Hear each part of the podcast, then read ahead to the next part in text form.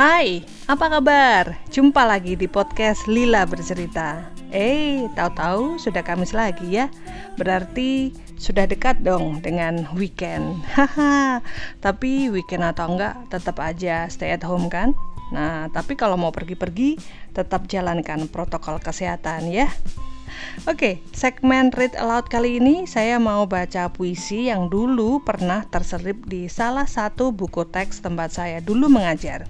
Karena waktu itu saya nggak punya bekal banyak dalam mengupas sebuah puisi dan akses internet yang pada waktu itu masih sangat terbatas, makanya saya memilih melewati saja pembahasan seputar puisi ini. Toh materi pelajaran tetap bisa berlangsung kok. Ngeles aja sih ini. Puisi ini ditulis oleh Edwin Arlington Robinson dan dipublikasikan pertama kali pada tahun 1897. Puisi ini diterbitkan di bulan Juli di tahun yang sama sebagai bagian dari buku berjudul The Children of the Night. Buku ini tercatat sebagai puisi yang paling populer dari buku ini.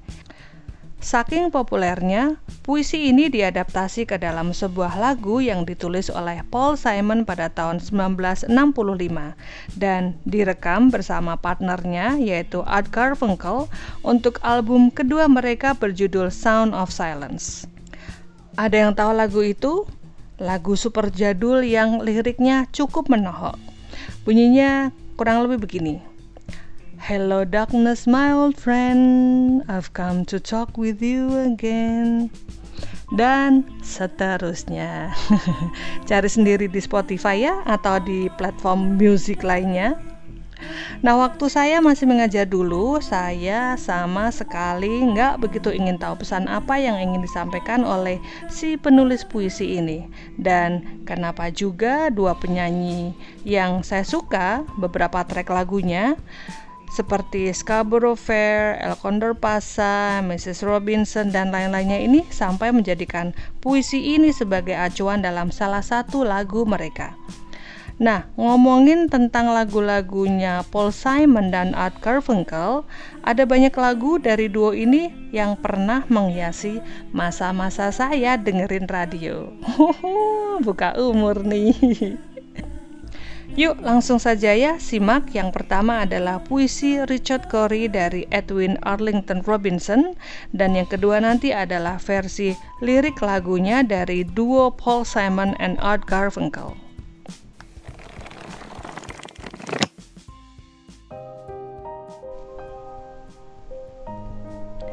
Richard Cory by Edwin Arlington Robinson Whenever Richard Cory went downtown we people on the pavement looked at him. He was a gentleman from soul to crown, clean favored and imperially slim. And he was always quietly arrayed, and he was always human when he talked. But still, he fluttered pulses when he said, Good morning, and he glittered when he walked. And he was rich. Yes, richer than a king, and admirably schooled in every grace. In fine, we thought that he was everything to make us wish that we were in his place. So on we walked and waited for the lights, and went without the meat and cursed the bread.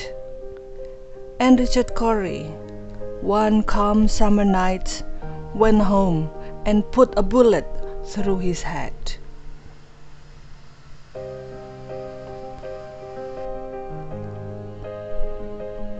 Richard Cory by Simon and Garfunkel. They say that Richard Cory owns one half of this whole town, with political connections to spread his wealth around. Born into society, a banker's only child, he had everything a man could want power, grace, and style.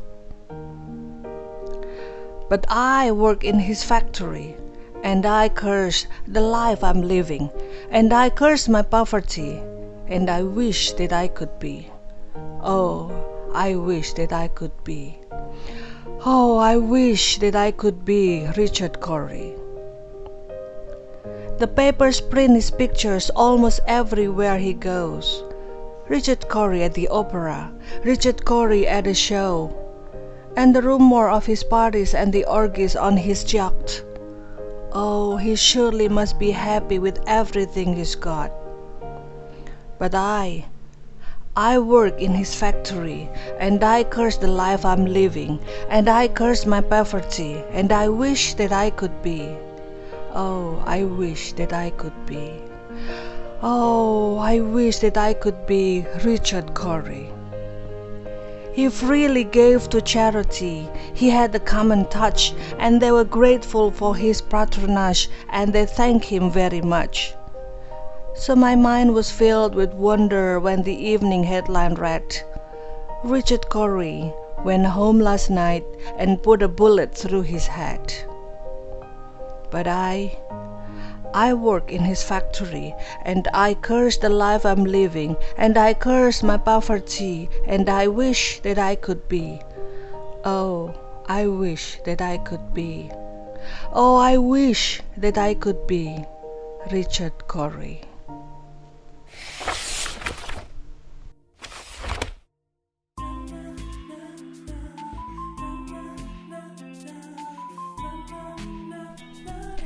Oke, bagaimana dengan puisinya?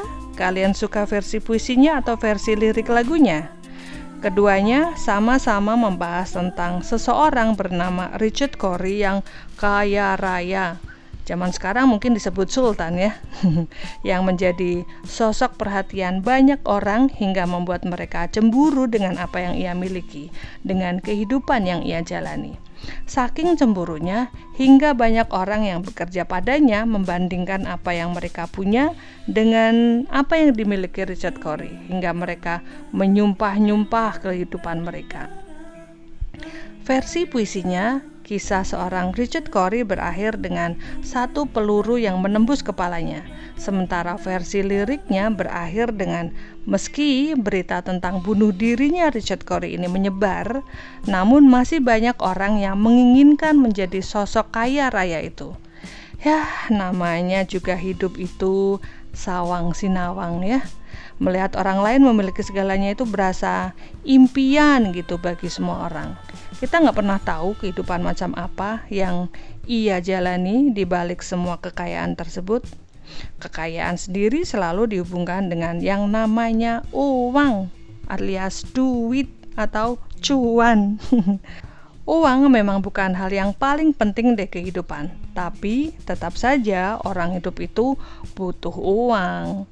Untuk memenuhi kebutuhan sandang pangan itu tentu saja butuh uang.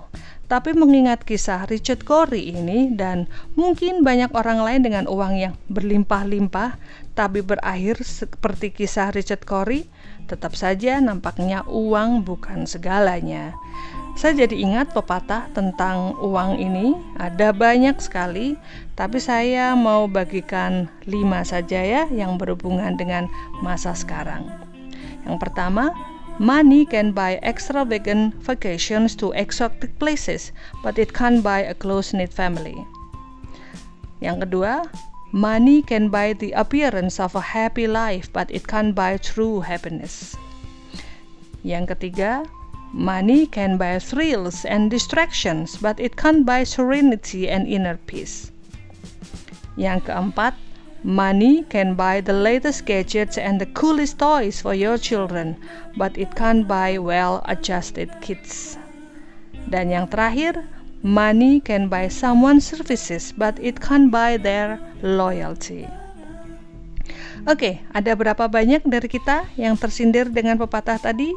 Kayaknya yang tersindir bukan hanya yang punya uang berlimpah sih, tapi tetap saja pepatah ini sedikit mengingatkan kita, kan?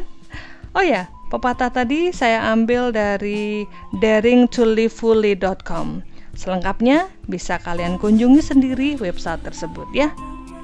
Terima kasih sudah mendengarkan. Ketemu lagi di hari Senin dengan rekomendasi buku atau film dan read aloud pada Kamis mendatang. Tetap jaga kesehatan ya. See you when I see you.